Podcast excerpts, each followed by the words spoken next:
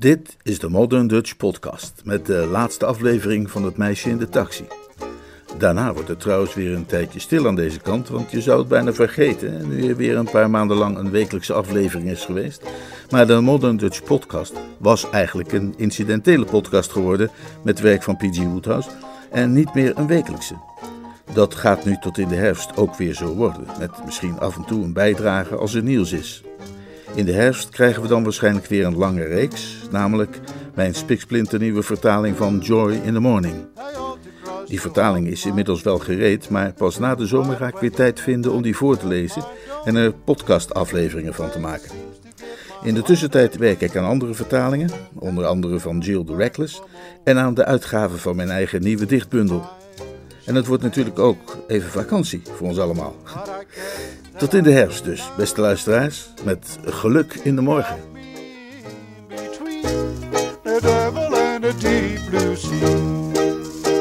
Dit is de Modern Dutch Podcast.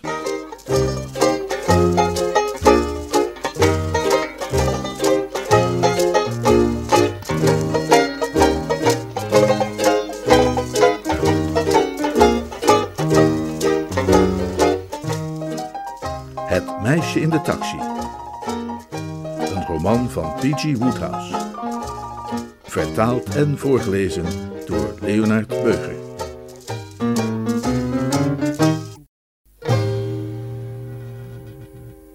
Hoofdstuk 26 Om kwart over vier smiddags, twee dagen na het gedenkwaardige diner waarbij Lord Marshmoreton zo'n opmerkelijk gebrek aan oordeelsvermogen had getoond, zat Maud in Cozy Nook te wachten op Geoffrey Raymond. Hij had in zijn telegram gezegd dat hij daar om half vijf met haar wilde afspreken, maar Maud was zo ongeduldig dat ze er al een kwartier eerder was geweest en nu al had ze spijt van haar impulsiviteit vanwege de treurigheid van die plek. Neerslachtigheid had haar aangegrepen. Ze bespeurde iets dat deed denken aan naderend onheil. Cozy Nook zoals de naam natuurlijk al doet vermoeden bij degenen die Londen kennen, is een theeschenkerij in Bond Street, geleid door ongelukkige dames. Wanneer in Londen een dame zich ongelukkig begint te voelen, wat vaak bij de geringste aanleiding al het geval is, verzamelt ze zo'n twee of drie andere ongelukkige dames om zich heen waarmee ze een quorum vormt en begint een theeschenkerij in het West End die ze Ye Oakleaf je Olde Willow Pattern, je Linden Tree of je Snug Harbor noemt, al naar persoonlijke smaak. Daar serveren zij en haar medewerkers, gekleed in Tirols, Japans, Noors of enig ander exotisch kostuum, in de middag verfrissingen met een trotse loomheid die volkomen geschikt is om alle onzin eruit te rammen bij zelfs de vrolijkste klant. Hier vindt u niets van de ordinaire drukte en efficiency van de rivaliserende vestigingen van Lions Co., noch van de vrolijke glitter en glamour van Rumpelmeyers. Deze zaakjes kennen een geheel eigen sfeer, die vooral gebaseerd is op een ontoereikende verlichting, een bijna totaal gebrek aan ventilatie, een chocoladetaart van het huis die niet geacht wordt aan te snijden, en de kille melancholie van de bedienende engelachtigen. Het valt te betwijfelen of er iets ter wereld is dat droefgeestiger weet te maken dan een Londense theeschenkerij van dit type, tenzij dan een andere Londense theeschenkerij van hetzelfde type. Maud zat daar maar te wachten. Ergens buiten beeld stond een ketel binnensmonds te borrelen als een fluisterende pessimist. Achter in het vertrek leunden twee ongelukkige dames in verkleedkleren tegen de muur. Ook zij waren aan het fluisteren. Hun beide gezichtsuitdrukking gaf aan dat ze een droevige opvatting hadden over het leven en wensten dat ze het achter zich konden laten, zoals het lijkt op de bovenverdieping. Men nam als vanzelfsprekend aan dat er op de bovenverdieping een lijk lag. In zulke gelegenheden is dat onvermijdelijk. Het eerste wat je denkt bij binnenkomst is dat de dame van de bediening op je af zal komen en met gedempte stem zal vragen: thee of chocolade? En wenst u het stoffelijk overschot te zien? Maud keek op haar horloge. Het was tien voor half vijf. Ze kon nauwelijks geloven dat ze er nog maar vijf minuten was, maar het tikken van het horloge verzekerde haar ervan dat het niet stilstond. Haar neerslachtigheid nam nog toe. Waarom had Jeffrey met haar afgesproken in deze duistere spelonk in plaats van in het Savoy Hotel? Het Savoy zou ze heerlijk gevonden hebben. Maar hier leek ze al het vrolijke ongeduld waarmee ze op weg was gegaan om de man weer te zien op wie ze verliefd was, onvindbaar te zijn kwijtgeraakt. Plotseling begon ze angstig te worden. Een boze geest, misschien ook de ketel, leek haar in te fluisteren dat ze dwaas was geweest hierheen te komen en twijfel te zaaien over wat ze tot nu toe als het enige rotsvaste feit in de wereld had beschouwd: haar liefde voor Geoffrey. Zou ze veranderd kunnen zijn sinds die dagen in Wales? Het leven was de laatste tijd zo verwarrend geweest. Bij alle levendigheid van de recente gebeurtenissen leken die dagen in Wales opeens heel ver weg en leek zij zelf iemand anders dan het meisje van een jaar geleden. Ze merkte ook dat haar gedachten uitgingen naar George Bevan. Het was een merkwaardig feit dat ze zich beter voelde op het moment dat ze aan George Bevan begon te denken. Het was alsof ze verdwaald was geraakt in een wildernis, maar een vriend had ontmoet. Er was iets zo capabels, zo rustgevends aan George. En wat had hij zich geweldig gedragen bij hun laatste gesprek? George leek op de een of andere manier deel uit te maken van haar leven. Ze kon zich haar leven niet voorstellen zonder dat hij daar deel aan had. En hij was op dit moment waarschijnlijk aan het pakken voor zijn reis terug naar Amerika en ze zou hem nooit meer terugzien. Ze voelde een steek in haar hart. Het was alsof ze nu pas voor het eerst besefte dat hij ook werkelijk ging. Ze probeerde de pijn in haar hart te dempen door aan Wales te denken. Ze sloot haar ogen en merkte dat het haar hielp het zich te binnen te brengen. Met haar ogen dicht kon ze zich alles weer herinneren. Die regenachtige dag, de gracieuze, soepele gestalte die uit de mist naar haar toe was gekomen, hun wandelingen over de heuvels. Kwam Jeffrey nu maar. Hem te zien was wat ze nodig had. Daar ben je. Maud opende met schrik haar ogen. De stem had geklonken als die van Jeffrey. Maar het was een vreemdeling die aan haar tafeltje stond, en niet een bijzonder innemende vreemdeling. In het schemerige licht van die cozy nook, waaraan haar net geopende ogen nog niet weer gewend waren geraakt, kon ze van die man alleen maar zien dat hij opmerkelijk fors van gestalte was. Ze verstijfde defensief. Dit was wat een meisje dat in haar eentje in theesalons zat te wachten stond. Ik hoop dat ik niet te laat ben, zei de vreemdeling terwijl hij hijgend ging zitten. Ik dacht dat een beetje lichaamsbeweging me goed zou doen, dus ik ben komen lopen. Alle zenuwen in Moots lichaam leken tegelijkertijd tot leven te komen. Ze tintelde van top tot teen. Het was Jeffrey. Hij keek over zijn schouder en probeerde door met zijn vingers te knippen de aandacht te trekken van de dichtstbijzijnde ongelukkige dame, en dat gaf Moot de tijd om te bekomen van de gruwelijke schok die ze had gekregen. Haar duizeligheid ging snel over, maar werd meteen vervangen door een paniekerige ontzetting. Dit kon Jeffrey niet zijn. Het was belachelijk dat dit Jeffrey zou zijn. En toch was het onmiskenbaar Jeffrey. Een jaar lang had ze gebeden dat ze Jeffrey terug mocht krijgen en de goden hadden haar gebed verhoord. Ze hadden haar Jeffrey teruggegeven, maar met een achteloze vrijgevigheid hadden ze haar dubbel zoveel van hem gegeven als ze had verwacht. Ze had gevraagd om de slanke Apollo, op wie ze in Wales verliefd was geworden, maar dit kolossale wisselkind had zij voor in de plaats gekregen. We hebben allemaal onze vooroordelen. Maud had een vooroordeel tegen dikke mannen. Het kan de aanblik zijn geweest van haar broer Percy, die ieder jaar, zolang ze hem kende, verder was uitgedijd, waardoor die vreemde trek in haar karakter was veroorzaakt. Hoe dan ook, die was er, en ze staarde in een weerzinwekkende stilte naar Geoffrey. Hij had zich nu weer teruggedraaid, zodat ze een volledig beeld van hem kon krijgen. Hij was niet dik, hij was moddervet. De slanke gestalte die een jaar lang in haar gedachten had rondgewaard, was uitgevloeid in een voortgolvende zee van vest. De scherpe lijnen van zijn gezicht waren volledig verdwenen en zijn wangen waren roze drillpuddingen geworden. Een van de ongelukkige dames was met een traag dédain naderbij gekomen en stond nu naast hun tafeltje te peinzen over het lijk op de eerste verdieping. Het leek ongepast haar lastig te vallen. Thee of chocolade?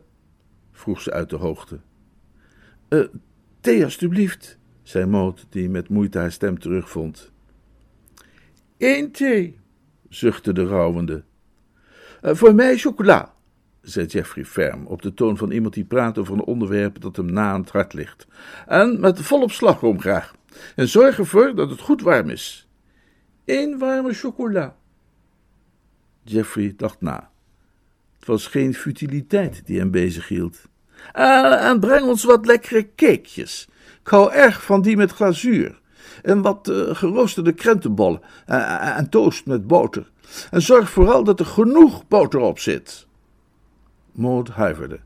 De man tegenover haar was een man in wiens woordenboek een woord als boter niet eens had mogen voorkomen. Een man die de politie zou moeten bellen als een vijand probeerde hem boter op te dringen. Nou zeg, zei Jeffrey en boog zich voorover, terwijl de hooghartige ministrant uit beeld verdween. Jij bent ook niks veranderd, om te zien bedoel ik. Niet, zei Maud, je bent precies hetzelfde gebleven. Ik denk dat ik, uh, hij tuurde naar zijn vest, uh, wel wat zwijgder ben geworden. Ik weet niet of het je is opgevallen. Maud huiverde weer. Hij dacht dat hij een beetje was aangekomen en wist niet of ze het had opgemerkt. Het oneindig melancholisch stemmende raadsel van de dikke man, die zelf niet beseft dat hij dik is geworden, bedrukte haar. Uh, het was het leven op het jacht waardoor ik een beetje uit conditie ben geraakt, zei Jeffrey. Sinds ik jou voor het laatst heb gezien, ben ik bijna de hele tijd aan boord van het jacht geweest. Oude heer had een Japanse kok en nam het er behoorlijk van. Hij is geveld door een beroerte. Hm? Maar we hebben geweldige tijd gehad tijdens onze cruise. Zijn de hele afgelopen winter op de Middellandse Zee geweest, meeste tijd in Nice. Uh, ik, ik zou graag eens naar Nice gaan, zei Maud om iets te zeggen. Ze had het gevoel dat Jeffrey niet alleen uiterlijk was veranderd. Of was hij in werkelijkheid altijd zo geweest, alledaags en prozaïs? En was het slechts in haar verbeelding dat hij zo geweldig was geweest? Als je daar ooit komt, zei Jeffrey ernstig, vergeet dan niet te gaan lunchen in Hotel Côte d'Azur. Ze serveren daar de meest verbazingwekkende selectie van hors d'oeuvre die je ooit hebt gezien. Rivierkreeftjes zo groot als scampi. En ze hebben een vis, ik, ik ben de naam vergeten, maar die schiet me zo alweer te binnen. Een vis die lijkt precies op de pompano uit Florida. Maar zorg ervoor dat die gekookt wordt, hm? niet, niet gebakken. Anders verliest hij zijn smaak. Zeg tegen de ober dat je hem gekookt wilt hebben. Met gesmolten boter en een beetje peterselie, een paar gekookte aardappelen. Echt verbazingwekkend. Je kunt op het continent sowieso het beste bij vis houden. Ze kunnen zeggen wat ze willen, maar ik hou vol dat de Franse biefstuk of wat voor rood vlees dan ook niet echt begrijpen. Hun kalfsvlees is niet slecht, maar ik hou toch meer van onze manier van bereiden. Tuurlijk, waar de Fransen echt genieën in zijn, is de omelet. Ik herinner me dat ik, toen we in Toulon waren om, om kolen te bunkeren, aan wal ging voor een wandelingetje en daar de meest verrukkelijke omelet heb gegeten met kippenlevertjes. Fantastisch klaargemaakt in een klein eenvoudig tentje vlak bij de haven. Zak niet gauw meer vergeten. De bedienende klaagvrouw kwam terug met een zwaar beladen dienblad en deponeerde diverse onderdelen van het begrafenismaal met slappe hand op tafel. Jeffrey schudde geïrriteerd zijn hoofd. Ik had nadrukkelijk gevraagd om veel boter op mijn toast zei hij. Ik heb een hekel aan toast met boter als er niet genoeg boter op zit. dan is het niet de moeite waard om het op te eten. Breng me nog maar een paar klontjes boter, wil je dan? Dan smeer ik ze zelf wel. Maar een beetje snel alsjeblieft, voordat de toast koud wordt. Er is niets meer aan als de toast eenmaal is afgekoeld. In dit soort gelegenheden zien ze de thee niet als een maaltijd, hè? zei hij tegen Maud, terwijl de klaagvrouw zich terugtrok. Voor het echte werk moet je beslist op het platteland zijn. Ik weet nog dat een paar dagen bij Lime Regis, de ginder in Devonshire, voor anker lagen. En ik ging thee drinken op een boerderij daar. Eenvoudig verbazingwekkend was dat. Van die dikke Devonshire room en zelfgemaakte jam en, en allerlei soorten gebak. Dit soort dingen is hier gewoon een farce. ik wou dat, dat mensen een beetje haast maakten trouwens met die boter. Over een minuut is het te laat. Maud nipte zwijgend van haar thee. Haar hart voelde als lood. De herhaling van het boterthema als een soort leidmotief in de conversatie van haar metgezel deed een aanval op haar zenuwen en ze voelde dat ze weinig meer kon verdragen. Ze riep het beeld op van de afgelopen afschuwelijke maanden en kreeg een gruwelijk visioen van Jeffrey die onophoudelijk boter verzwolg, dag aan dag, week in, week uit, en zo langzamerhand veranderde in een menselijke boterton. Ze huiverde. Verbolgenheid over het onrechtvaardige lot dat ervoor gezorgd had dat zij haar hart schonk aan een man, om die vervolgens in een andere en heel verschillende man te veranderen, streed in haar met een kille angst die groter werd naarmate zij zich steeds sterker realiseerde hoe groot de fout was die ze had gemaakt. Ze besefte dat ze zou moeten ontsnappen. Maar hoe kon ze dat doen? Ze had zich volkomen aan deze man toegezworen. Riep Jeffrey blij toen de klontjes boter arriveerden. Dat lijkt er meer op. En hij begon te smeren. Maud wendde haar blik af. Ze had hem gezegd dat ze van hem hield. En dat hij de hele wereld voor haar was. En dat er nooit een ander voor haar zou zijn. En nu was hij gekomen om haar op te eisen. Hoe kon ze hem weigeren, alleen maar omdat hij zo'n dertig pond te zwaar was? Jeffrey was klaar met eten. Hij haalde een sigaret tevoorschijn. Niet roken, alstublieft, zei de ongelukkige dame. Hij stopte de sigaret terug in zijn koker. Er was een andere uitdrukking in zijn ogen verschenen, een tedere uitdrukking. Voor het eerst sinds ze elkaar hadden teruggezien, leek Maud een verre glimp op te vangen van de man op wie ze in Wales verliefd was geworden. De boter leek Jeffrey zachter te hebben gemaakt. Dus je kon niet wachten, zei hij meedogend. Maud begreep hem niet. Ik heb meer dan een kwartier gewacht. Jij was het die te laat kwam. Nee, dat bedoel ik niet. Ik bedoel je verloving. Ik zag de aankondigingen van in de Morning Post. Tja, ik, ik hoop dat ik je mag geluk wensen. Die Mr. Bevan, wie dat ook is, heeft geluk. Maud had haar mond al open gedaan om het uit te leggen, om te vertellen dat het allemaal een vergissing was. Maar ze deed hem weer dicht zonder iets te zeggen.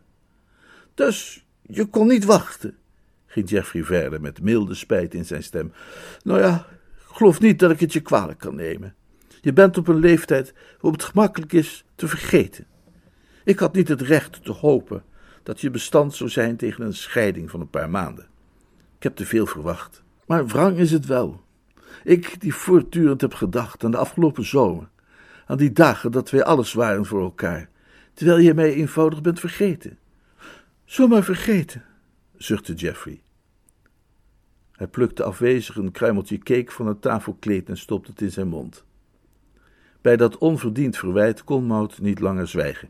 Ze dacht terug aan al die lange maanden en aan alles wat ze had geleden.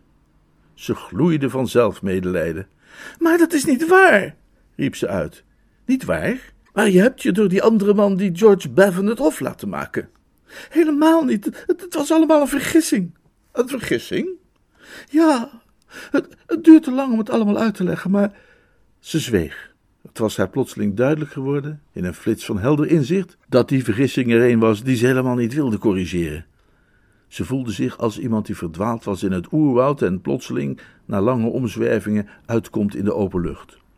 Dagenlang had ze verward lopen denken, niet in staat om haar eigen gevoelens helder te krijgen, maar nu was alles in één keer opgehelderd. Het was alsof het zien van Jeffrey haar de sleutel had geboden om het raadsel op te lossen. Het was George Bevan, van wie ze hield, de man die ze voor altijd uit haar leven had verbannen. Opeens wist ze dat zeker, en door de schok waarmee dat besef gekomen was, voelde ze zich nu zwak en hulpeloos. En samen met die schok overviel haar ook de schaamte van dat andere besef, namelijk dat haar tante, Lady Caroline, en haar broer, Percy, toch gelijk hadden gehad. Wat ze voor de liefde van haar leven had gehouden, was zoals die twee haar zo vaak hadden voorgehouden, niet meer dan een voorbijgaande verliefdheid geweest. Niet opgewassen tegen de aanblik van een Jeffrey die te veel boter had gegeten en wat dikker was geworden. Jeffrey slikte zijn stuk taart door en boog zich voorover. Dus je bent niet verloofd met die Bevan? Maud ontweek zijn blik. Ze was zich ervan bewust dat het cruciale moment daar was en dat haar hele toekomst afhing van haar volgende woorden en toen kwam het lot haar te hulp. Voordat ze kon spreken, werd ze al onderbroken. Neem mij niet kwalijk, zei een stem. Eén ogenblik. Maud en haar metgezel waren zo druk met hun eigen zaken bezig geweest dat geen van beiden de nieuwkomer had zien naderen. Het was een jonge man met muisgrauw haar en een sproetig, slecht geschoren gezicht, met een uitdrukking die wijfelde tussen stiekem en vrijpostig. Hij had kleine oogjes en zijn kleding bestond uit een mengeling van flitsend en shovel. Hij droeg een bolhoed een beetje scheef op zijn hoofd en hij had een plat koffertje bij zich dat hij tussen hen in op tafel zette. Excuseer de storing, miss. Hij boog galant voor Maud. Maar eh, ik wil Mr. Spencer Gray hier even graag spreken.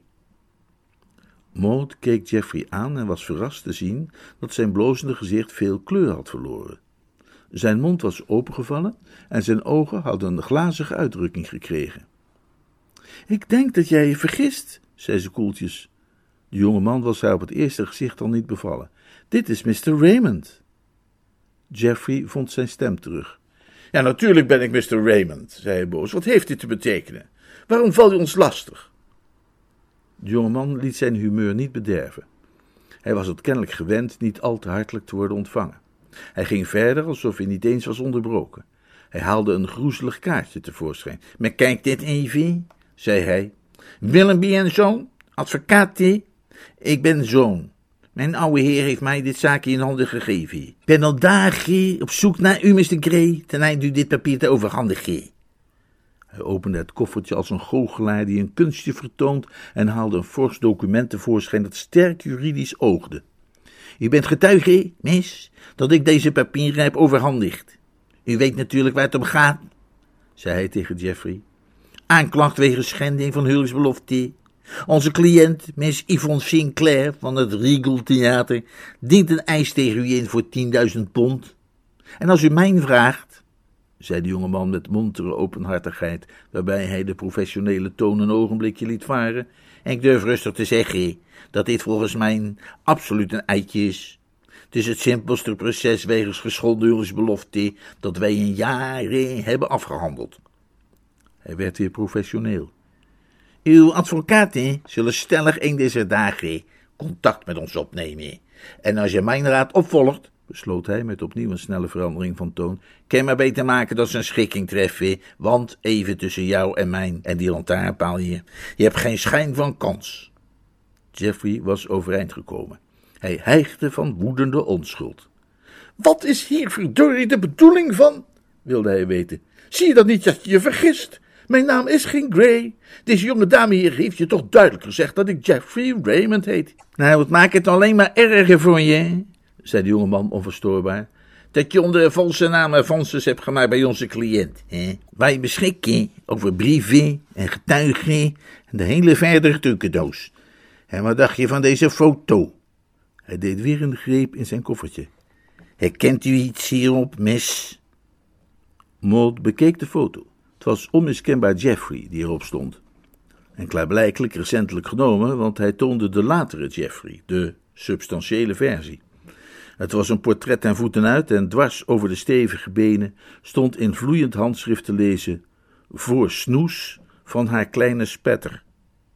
Maud rilde en gaf de foto terug aan de jongeman, juist terwijl Jeffrey er over de tafel heen vruchteloos naar greep. Ik herken hem, ja, zei ze. Mr. Willoughby junior stopte de foto in zijn koffertje en draaide zich om, klaar om te vertrekken. Dat is het wel voor vandaag, dan gek, zei hij minzaam. Hij boog opnieuw, beleefd als hij was, schoof zijn hoed nog iets verder naar links, begroette een van de ongelukkige dames die hem druilerig voor de voeten liep met een beleefd ja, dank je, Mabel. Leek de ijskoude blik die zij hem daarop nawierp niet op te merken, sloot de deur achter zich en liet een gespannen stilte in de ruimte achter. Maud was de eerste die de stilte doorbrak. Ik denk dat ik nu maar ga, zei ze. Die woorden leken haar metgezel uit zijn verdoving te wekken. Uh, laat het me uitleggen. Er valt niets uit te leggen. Het was gewoon een. Uh, niet meer dan een voorbijgaand. Het was niets. niets. Kleine spetter, mompelde Maud. Jeffrey liep achter haar aan terwijl ze naar de deur liep. Wees nu toch redelijk, smeekte Jeffrey. Mannen zijn geen heiligen, het stelde echt iets voor. Maak je het nu allemaal uit, alleen omdat ik een keer mijn hoofd heb verloren? Maud keek hem glimlachend aan. Ze haalde adem met een overweldigend gevoel van opluchting. Het schemerige interieur van Yi Nook leek niet langer deprimerend. Ze had die onbekende snoes wel kunnen kussen, wier zakelijke handelswijze haar in staat had gesteld een betreurenswaardig hoofdstuk in haar leven met een zuiver geweten af te sluiten. Maar je hebt niet alleen je hoofd verloren, Jeffrey, zei ze, je bent ook je figuur kwijt. Ze liep snel naar buiten.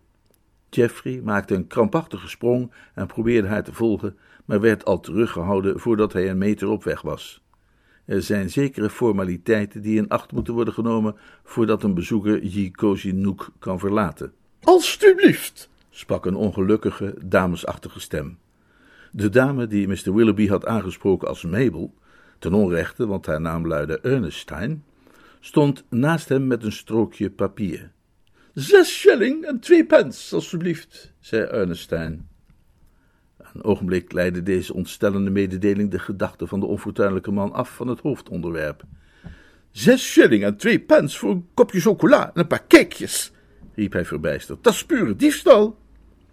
Zes shilling en twee pence, alstublieft, zei de roverkoningin met onverstoorbare kalmte. Ze had dit soort dingen eerder meegemaakt. Nook kreeg niet veel klanten, maar bij degene die het kreeg, werd eruit gehaald wat erin zat. Hier! Jeffrey haalde een muntstuk van een half pond tevoorschijn. Ik heb geen tijd om ruzie te maken. De ongelukkige roverhoofdvrouw toonde zich weinig dankbaar. Haar houding was die van iemand die zich afzijdig houdt van al het wereldse. Het enige wat ze wilde was rust en de gelegenheid tot meditatie. Meditatie rond het dode lichaam op de bovenverdieping. Alle vlees is als gras. Hodie mihi, kras tibi. Heden ik, morgen gij. Maar ginds, voorbij het graf, is vrede. Uw wisselgeld? zei ze. Hoepel op met je wisselgeld. En u vergeet uw hoed. Er geen gezeur over hoeden. Jeffrey rende de kamer uit. Hij wrong zijn lichaam door de deur. Hij strompelde de treden af van de stoep.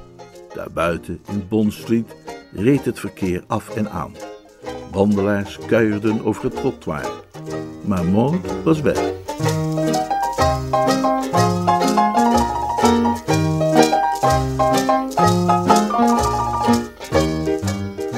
Hoofdstuk 27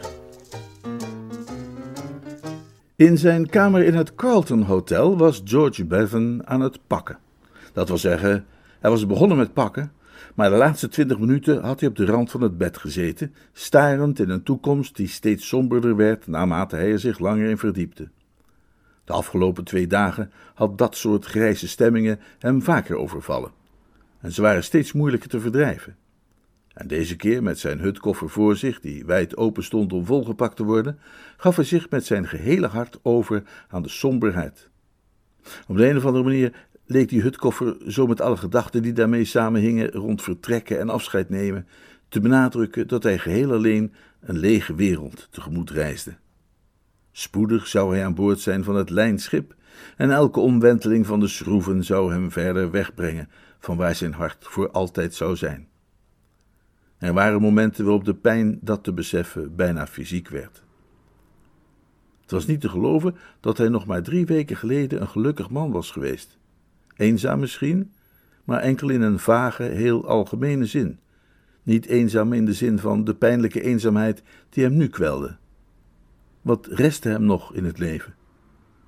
Wat betreft alle triomfen die de toekomst nog zou kunnen brengen in verband met zijn werk, was hij, zoals Mac, de portier van de artiesteningang, had gezegd, hartstikke blasé. Elk succes dat hij nog mocht behalen, zou niet meer zijn dan een fletse herhaling van zijn eerdere successen. Hij zou natuurlijk blijven werken, maar. Het rinkelen van de telefoon riep hem terug naar het heden. Hij stond op met een gemompelde vervloeking.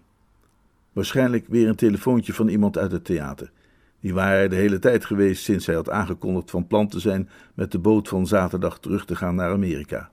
Hallo? zei hij vermoeid. Ben jij dat, George? vroeg een stem. Die klonk bekend, maar alle vrouwenstemmen klinken hetzelfde door de telefoon. Met George, ja? En, en wie ben jij? Herken je mijn stem niet? Nee? Binnenkort zal je dat beter lukken. Ik ben een geweldige prater. Ben jij dat, Billy? Ik ben niet Billy. Wie Billy ook mag zijn. Ik ben een vrouw, George. Ja, dat is Billy ook. Nou, dan kun je maar beter je lijst met mijn vrienden vrouwen doornemen tot je bij mij komt. Ik heb geen bevriende vrouwen. Oh nee? Nee. Dat is mal. Hoezo? Twee avonden geleden heb je in de tuin nog tegen me gezegd dat je me als een vriend beschouwde, als een maatje. George ging plomp verloren zitten. Hij voelde zich alsof hij geen botten meer had in zijn lichaam. Ben, ben jij dat? stamelde hij. Dat kan toch niet, Moot? Wat slim geraden van jou, George. Ik wil je een paar dingen vragen. In de eerste plaats, hou jij erg van boter? George knipperde met zijn ogen. Dit was geen droom. Hij had zojuist met zijn knie tegen de hoek van het telefoontafeltje gestoten en dat deed zeer overtuigend pijn. Hij had dat nodig gehad als bewijs van het feit dat hij wel degelijk wakker was. Boter? vroeg hij. Wat, wat bedoel je met boter? Oh, nou, als je niet eens weet wat boter is, dan zit het wel goed. Hoeveel weeg jij, George? Uh, eh, 180 pond ongeveer. Amerikaanse ponden dan. Maar ik begrijp het niet. Wacht even. Er viel een stilte aan de andere kant van de draad. Ruim 80 kilo, zei Moots stem, als ik dat even snel uit mijn hoofd uitreken. En wat woog je vorig jaar om deze tijd? Nou, ongeveer hetzelfde, denk ik. ik. Ik weeg eigenlijk altijd hetzelfde. Wat geweldig, George. Oh ja? Dit is even heel belangrijk. Ben jij ooit in Florida geweest? Ik heb daar wel eens een winter doorgebracht. En, en ken jij een vis die pompano heet? Jawel. Vertel me daar eens wat over. Hoe bedoel je? Dat is gewoon een vis. Kun je eten? Ja, dat weet ik, maar geef eens wat details. Uh, ja, er zijn geen details, dat, dat eet je gewoon. De stem aan de andere kant van de draad knorde goedkeurend. Ik heb nog nooit zoiets geweldigs gehoord. De laatste man die over Pompano sprak, werd ronduit lyrisch over takjes peterselie en gesmolten boter. Maar goed, dat, dat is dan dat. Dan heb ik verder nog een heel belangrijk punt. Wat wil je met het behang? George hield zijn vrije hand tegen zijn voorhoofd. Dit gesprek maakte hem erg nerveus. Uh, dat heb ik even niet meegekregen, zei hij. Wat heb je niet meegekregen? Ik bedoel, ik, ik begreep niet helemaal wat je daarnet zei. Het klonk voor mij als: wat wil je met het behang? Ja, ik zei ook: wat wil je met het behang? Mag dat niet? Jawel, maar het, het slaat zo helemaal nergens op. Oh, maar dat doet het wel hoor. Ik bedoel, wat wil je met het behang in je studeerkamer? Een studeerkamer? Je werkkamer. Je moet toch een eigen plek hebben? Waar wou je gaan werken als je die niet had? Nou, ik zelf zou denken, zo'n mooi rustig grasweefsel. En, en, en veel boeken en schilderijen zou je daar natuurlijk hebben. En een foto van mij. Ik zal er speciaal een laten maken. En er zou natuurlijk een piano moeten staan voor jou om aan te werken. Hè? En twee of drie lekkere stoelen. En, nou ja, dat is het toch wel zo wat, toch? George wilde het nu toch echt even helder krijgen. Hallo, zei hij. Waarom zeg je hallo? Ja, ik was vergeten dat ik hier in Londen was. Ik had moeten zeggen: Bent u daar? Ja, ik ben hier. Mooi, maar zeg eens, wat, wat betekent dit nu allemaal? Wat betekent wat? Wat je net allemaal zegt over, over boter en pompano's en, en behang en mijn werkkamer en zo. Ik begrijp het gewoon niet. Ook dom zeg. Ik wilde weten wat voor soort behang je in je studeerkamer zou willen hebben als we getrouwd zijn en ons huis gaan inrichten. George liet de hoorn vallen.